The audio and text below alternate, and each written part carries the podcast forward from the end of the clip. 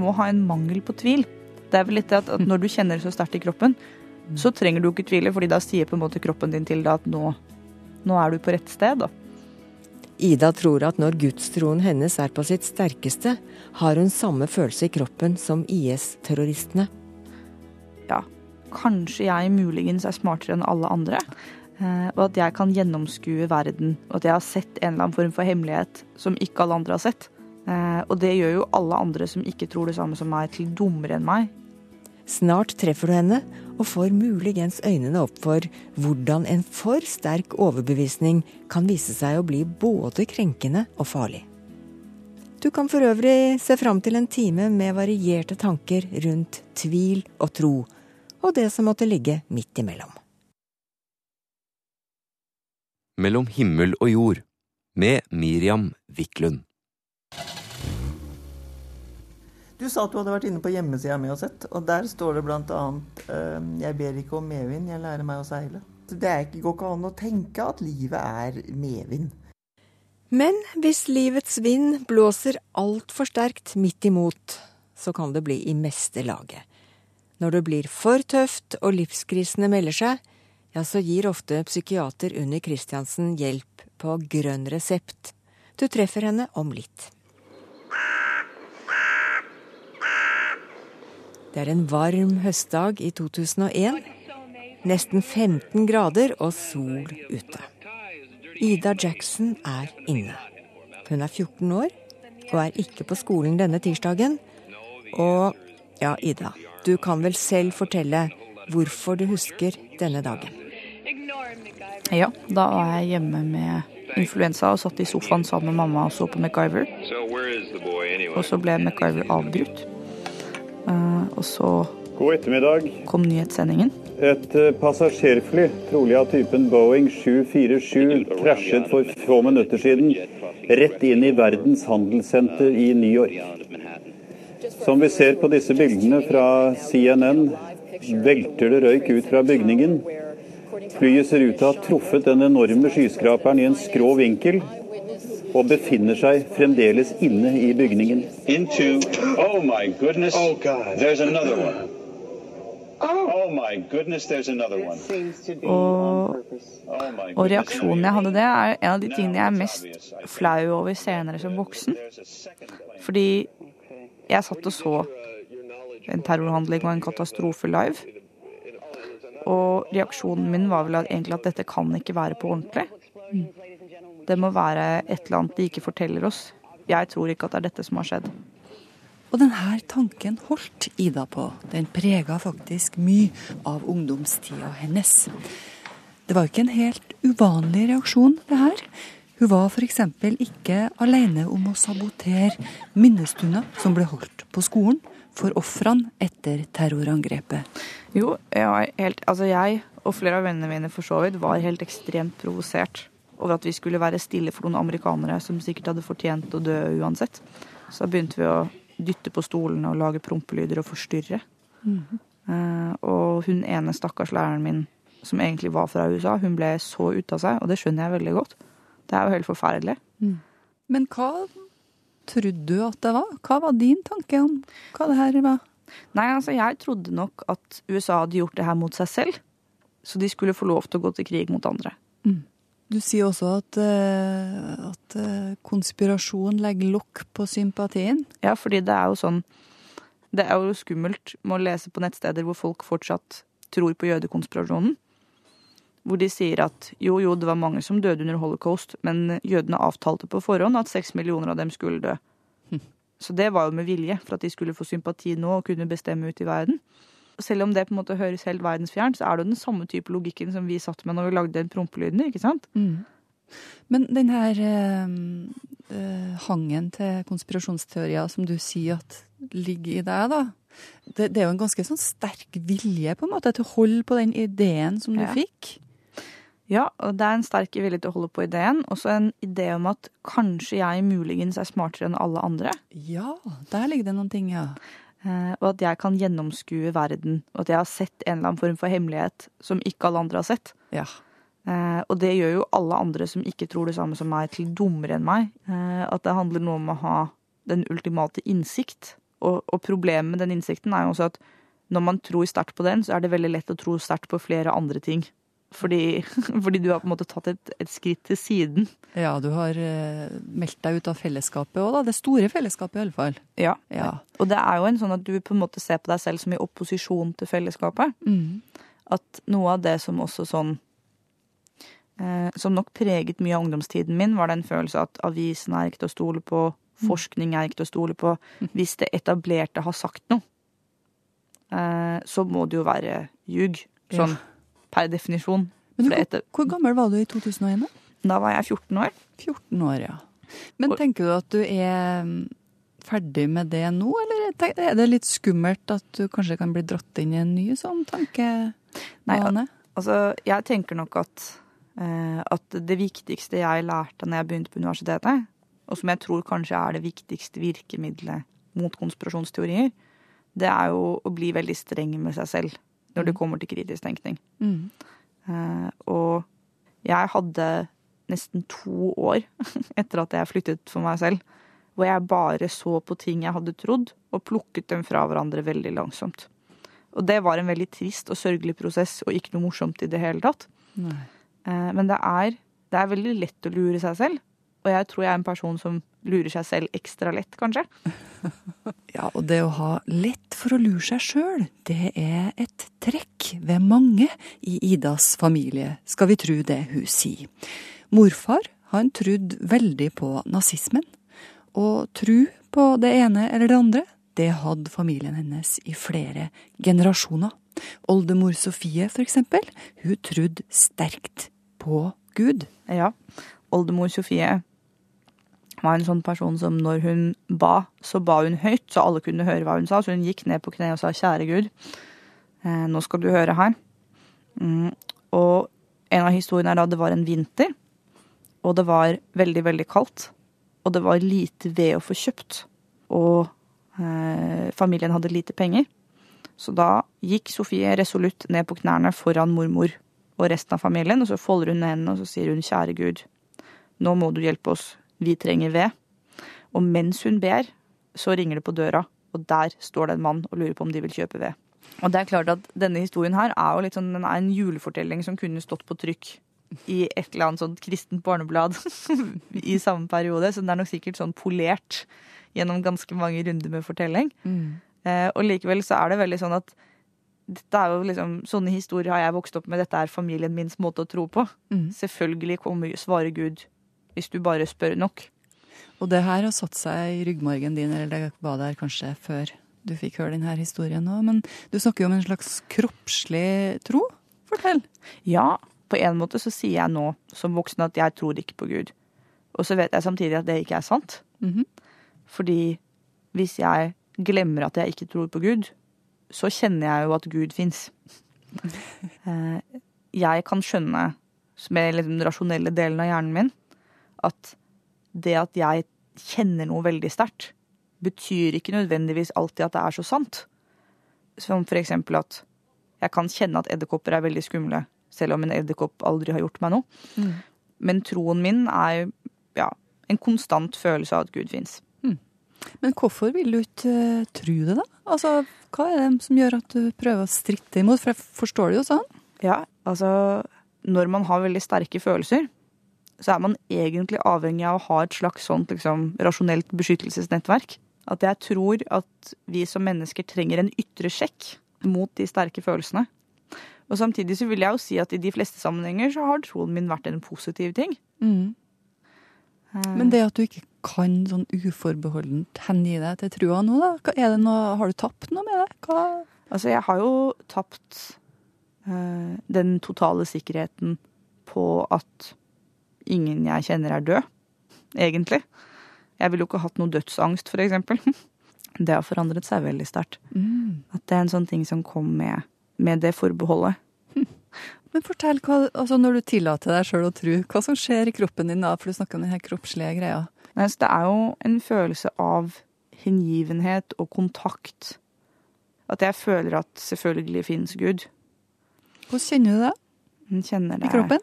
Jeg kjenner det på en måte ja, i skuldrene og musklene og mellomgulvet, og uh, at det er en glede, da. Og det er jo litt sånn som mamma snakker om òg, at det er en glede egentlig At hvis du kjenner langt nok etter, så er det egentlig alltid glede der. Og den gleden er Gud. Det er veldig fint. Men hvis du, hvis du tenker på den tida hvor du sjøl, hvis vi skal si at du var ekstremist, da. Ja. Eh, kjenner du igjen den følelsen fra den tida? Ja, selvfølgelig. Tror du de her IS-terroristene har den samme følelsen? Altså, det er jeg helt overbevist om. Mm. Du, du må ha en mangel på tvil. Det er vel litt det at, at når du kjenner det så sterkt i kroppen, så trenger du ikke tvile, fordi da sier på en måte kroppen din til deg at nå, nå er du på rett sted. da. Så konklusjonen er tvil er bra. Ja, jeg tror tvil er veldig bra. Og samtidig så tenker jeg jo liksom at på noen ting så er jo tro bra òg. Det, det, det er vanskelig fordi eh, La oss si jeg er ute og løper en tur, da. Og så kommer jeg inn i siste kilometeren, og så vil jeg egentlig gi meg. Så er jo troen mye av den tingen som kan dytte meg gjennom ting jeg ikke trodde jeg skulle klare å dytte meg gjennom. Samtidig som det da også i prinsippet kan brukes til å gjøre ting du egentlig ikke ville gjort. Ida Jackson var 14 år da hun satt og så terrorangrepet på Verdens handelssenter i New York på TV-en, og laget seg sin egen virkelighetsoppfatning av hendelsen. I dag er hun 27 og informasjonssjef, og hun jobber stadig for å holde troen på riktig plass. Margrethe Nåvik snakket med Ida. Du hører på Mellom himmel og jord i NRK P1.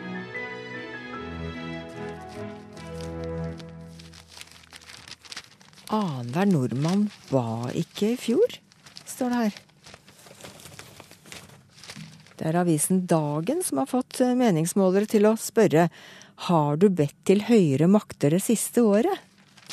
De har altså ringt til drøyt 1000 personer over 18 år om akkurat det her. Og så har de funnet ut at én av to nordmenn, én av to nordmenn ikke ba til høyere makter i fjor. De ba ikke. Dagen er jo en kristelig avis. Det er kanskje derfor de vinkler nyheten litt negativt. For er det ikke like oppsiktsvekkende at halvparten av det norske folk faktisk ba til en høyremakt i fjor? Såpass interessant at vi sendte Tore Rosshaug ut for å dobbeltsjekke. Et ganske verdinøytralt sted det her, med god avstand til nærmeste gudshus. Et venterom med busser og tog utafor. Nå har jeg peiling på en benk med to som tydelig ikke kjenner hverandre. En mann med mobiltelefon og ei dame som leser ukeblad. Planen er å spørre bare to. Og er de toene her et såkalt representativt utvalg, så ba altså en av dem i fjor. Dagen har stilt spørsmålet har du bedt til høyere makter noen gang i fjor? Hva vil du svare på det? Nei? Nei. Ikke noe svar i hele tatt? Det er ikke bare bare det her å komme med mikrofon og egle seg innpå intetanende folk. Damen vil være i fred. Heldigvis er mannen ved siden av ferdig med mobilsamtalen og kommer meg til unnsetning. Jeg kan gå inn, jeg. Ja, du kan gå inn, ja, for Da går du foran med et godt eksempel. Kanskje hun får lyst til å svare etterpå? Jeg kan ikke si at jeg gjorde det i fjor akkurat. da. Det har hendt seg gjennom livet. men... Jeg, hvor, hvor, retter du den bønnen da, hvis nei, du gjør det? Tror jeg, jeg kan jo kanskje ikke betraktes som verken kristen eller buddhist, men en lett blanding av litt forskjellige, vil jeg tro. Mm -hmm. mm. Men hva kan det være du ber om, da? Jeg skal kanskje be om at det skal bli et bedre menneske. Jeg ber om at ting skal gå bra. Jeg tror Det er sånne situasjoner. Ja. Jeg tror egentlig ikke at det hjelper så mye, det skjønner jeg, men ja, du, jeg, ber, jeg, ber, ikke om penger eller at, at uh, Nei, jeg gjør ikke Jan Even Lian heter han. Pensjonert lærer og lyriker på vei hjem. Noen er kanskje mer realistisk, og noen svever litt mer i det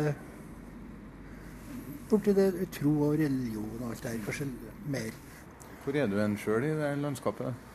Er du realist, eller er du Nei, Begge deler, egentlig. Jeg har levd så lenge at jeg har opplevd ting som jeg gjør ikke jeg, Jeg kan ha flere tanker i hodet samtidig. Jeg stiller meg helt åpen for, for det meste. det er et spennende livet. Du sitter jo her med kofferten din på, på bussterminalen i Trondheim. Ja. Med rosa sløyfe på kofferten òg. Ja, Det er kjerringa som har stått på. Det er min kones koffert. Mor reiser litt mer enn meg. Er du på vei hjem, eller er du på vei ut? Jeg var i Oslo. Jeg var barnevakt, assisterende barnevakt for to barnebarn i Oslo. Og Det var kjempefint, for da blir den kjent med dem. For det er langt unna. Det er langt mellom Vi har vært hjemme, Kirkeseterøra og Oslo. Det er langt, sjøl med våre tids kommunikasjonsmidler og sånn. Så. Reisa var ikke sånn at du trengte å be en bønn? Nei, det var litt uh, turbulente forhold på vei ned, da, men, men uh, jeg holdt meg forholdsvis rolig og holdt troa. Jeg ba ingen bønn akkurat der og da. Jeg tenkte det vil nå helst gå bra, tenkte jeg. Men Gud, altså, hvis vi har tipp for rundt der, så flyet begynte å snurre, ja, kan godt hende det kom en bønn, ja. Jeg tror ikke det hjalp akkurat da. Litt til senest laget? Sier senest laget. Ja. Det er et helloftens program. ja, det var et godt spørsmål. Vel, en meningsmåler bør være kritisk, så jeg noterer 'ba ikke' i fjor på mannen fra Kyrksæterøra. Damen med ukebladet vil bare være i fred, så jeg må i stedet satse på ei ung ei som sitter for seg sjøl borte ved oppbevaringsboksene. Her kan det altså bli ba, ifølge undersøkelsen. Og om du noen gang ba til høyere makter? I Ja. fjor? I fjor? Ja. Ikke i fjor. Tror jeg ikke jeg gjorde det, nei. Hvis du tenker godt etter. Hvis du tenker godt mm. Nei. Jeg gjorde ikke det. Nei. Nei. Men du starta med å si ja, eller du trodde? Ja, tidligere så har jeg bedt litt høyere makter, men eh, ikke i fjor. Da gikk alt på skinner, så Så det var bra i fjor. Kan du si hva det var du ba om, da? Ja, så det var for en stund siden når det ble slutt mellom meg og en daværende kjæreste, så ba jeg om at han kunne hjelpe meg til å få, få det litt likere. Og det hjalp faktisk på et merkelig vis, så Ja, Så du ba til Gud? ja. Fordi at eh, Utgangspunktet her er at um, eh, avisa Dagen de slo opp uh, Har du noe her? Mm. Hva tenker du om det de har funnet ut i den undersøkelsen? Jeg blir jo litt overraska at det faktisk er såpass mange som faktisk har bedt. Ja, hvorfor, hvorfor, hvorfor er du overraska? Nei, for folk er jo litt mer sånn de vil gjerne ikke tro på noe høyere enn seg sjøl. Jeg føler at folk har mista litt trua. Ikke du, da. Du har ikke gjort det. Nei, altså, som sagt, jeg fikk jo hjelp den gangen jeg ba. Og så jeg har egentlig litt sånn Jeg tror at det er gjerne noe mer mellom himmel og jord og, som hjelper oss litt på vei. Men jeg vet og hører at det er mange som ikke helt har det samme meningene som jeg har. Hva har det å si for ditt liv at du har den muligheten?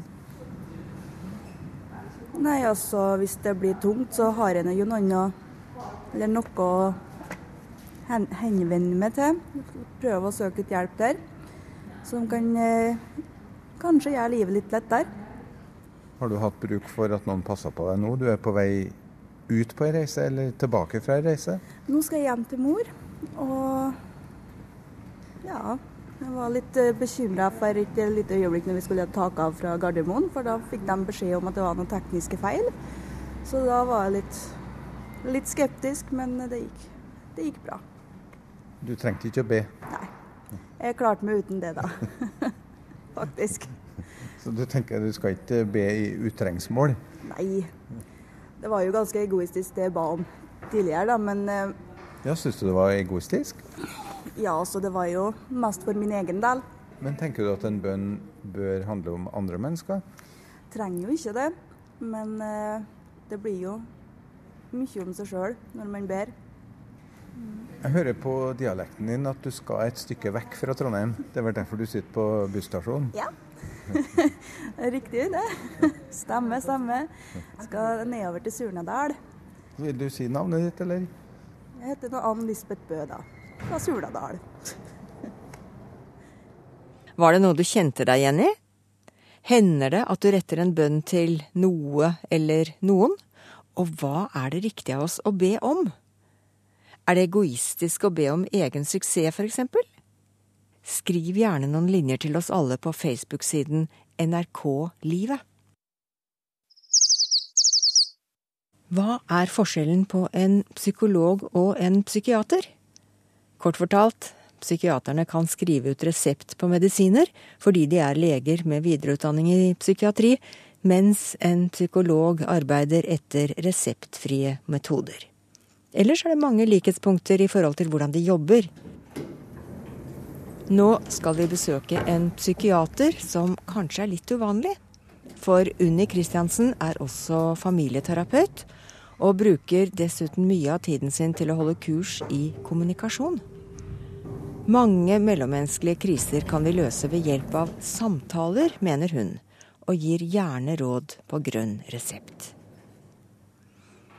Jeg er på vei til kontoret hennes, og vel oppe i sjette etasje i en bygård i Trondheim sentrum blir jeg møtt med en ganske annen tone enn jeg hadde forventet. Velkommen hit. Hei. Miriam Mykle. Ja, hyggelig. Poteten din, Auni. Og du har potet, ja? Ja, jeg har potet.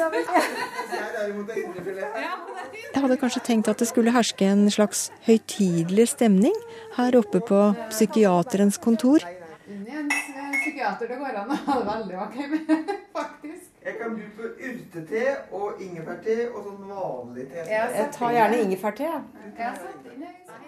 Men når hun som kaller seg Unnis Potet, tar plass foran PC-en i det ene rommet, og psykiater Unni Christiansen skjenker te i det hjemmekoselige naborommet, så har jeg nesten glemt hva jeg skulle spørre om.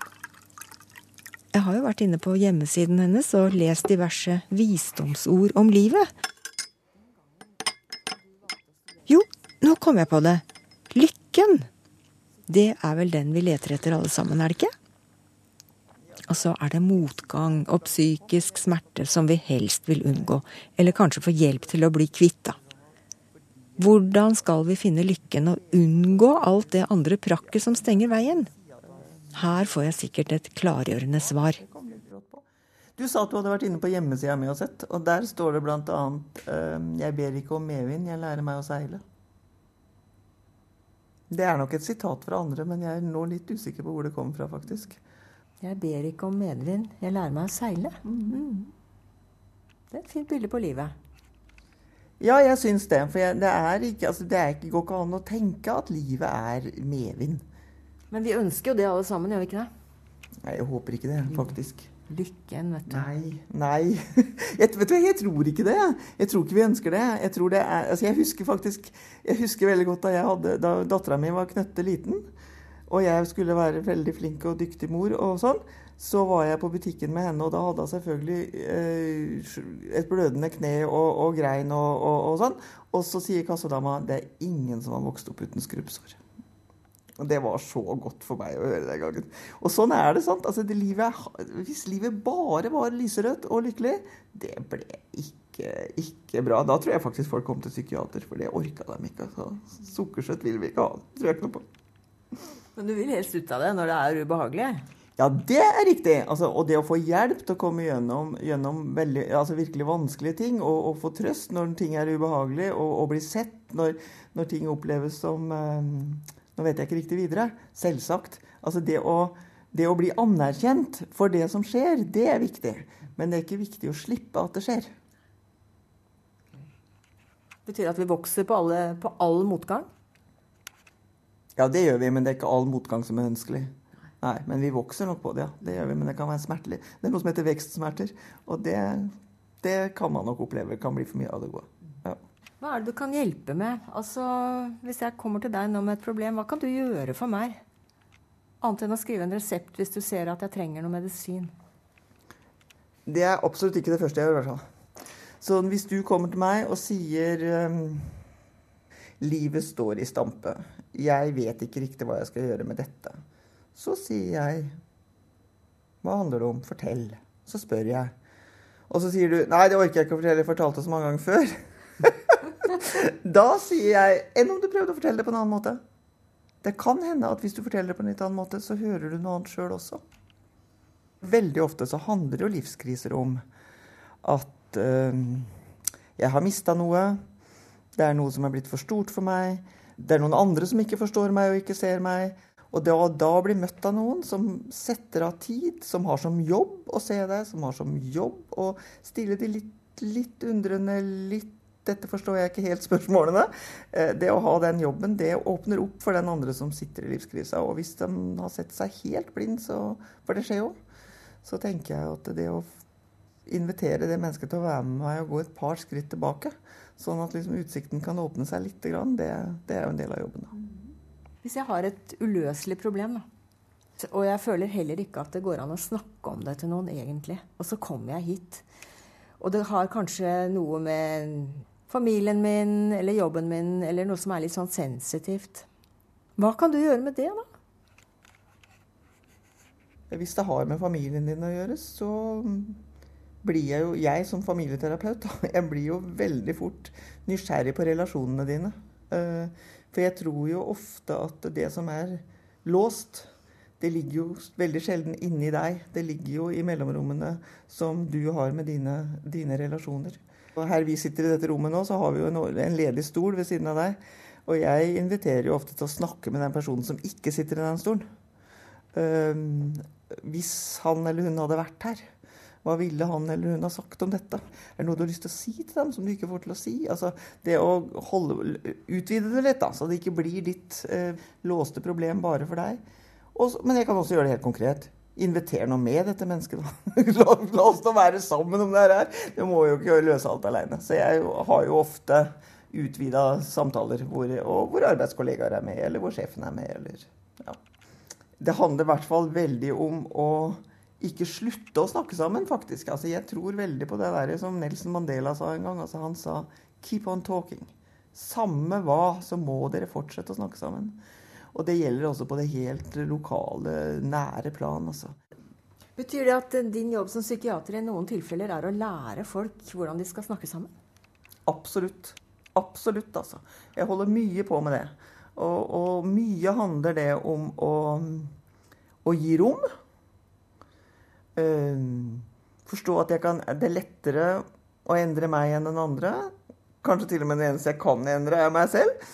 Og, og, og jobbe med det. Det betyr å eh, forstå at kommunikasjon handler faktisk om å lytte. Altså om lik det eller ikke. Men det gjør det. Lytt, lytt, lytt, lytt. Og så fins det, det tre regler til. Det er lytt, og så er det respekter. Respektare betyr å se en gang til. Og hvis du ser en gang til, sjansen for at du ser noe mer og noe annet, er stor. Og det tredje er snakk med egen stemme. Og det betyr si noe. Altså ikke lytt hele tiden. Si noe, sånn at den andre får også noe å, å holde på med. Sant? Så du må si noe. Snakk med egen stemme betyr si noe, og så betyr det eh, stå ved det. Altså Det må være ditt, det du sier. Du må gjerne sitere kloke menn, og, og sånn, men, men, men, gjør det til ditt. Hvis ikke så gjør det ganske vondt å få sånne sitater og, og kloke ytringer i hodet hvis de ikke, ikke er inne. Og det fjerde er vent litt. Hold ut litt til. Keep on talking. Keep on talking ender jo i konsensus. Hva betyr det? Eh, for meg så betyr konsensus OK, da, det her kan jeg leve med. Vi ble ikke enige, men det her kan jeg leve med. Men så sier du også det enkleste er å forandre på meg selv og ikke på andre. Nei, det er det eneste mulige. Så jeg sier ikke at det er det eneste mulige. Jeg sa ikke at det er det enkleste. Nei, nei, nei. Men jeg tror det er det eneste mulige. Jeg kan legge til rette for at andre kan endre seg litt, men jeg kan ikke endre dem, faktisk. Det sa Unni Christiansen, som er både psykiater og familieterapeut, foruten å være innehaver av et eget kurssted tett oppunder tregrensen i Sør-Trøndelag. Nord på fjellhotell heter det. Der annet mennesker som jobber med mennesker, inviteres til tverrfaglige kurs. Et stoppested for å tenke seg om, kjenne etter og gå videre, som det heter. Da gjenstår det bare å minne om e-postadressen vår. Send oss gjerne noen ord hvis du har innspill, ros eller ris. Himmel og jord, krøllalfa, nrk.no. Og husk at programmet sendes i reprise i kveld på P1 pluss klokka 21.03. Du kan også laste oss ned uten musikk via nrk.no podkast. eller gå inn på vår nettspiller radio.nrk.no og høre programmet i sin helhet når du vil. Jeg heter Miriam Wiklund. Neste søndag blir det sport, men vi høres igjen om 14 dager.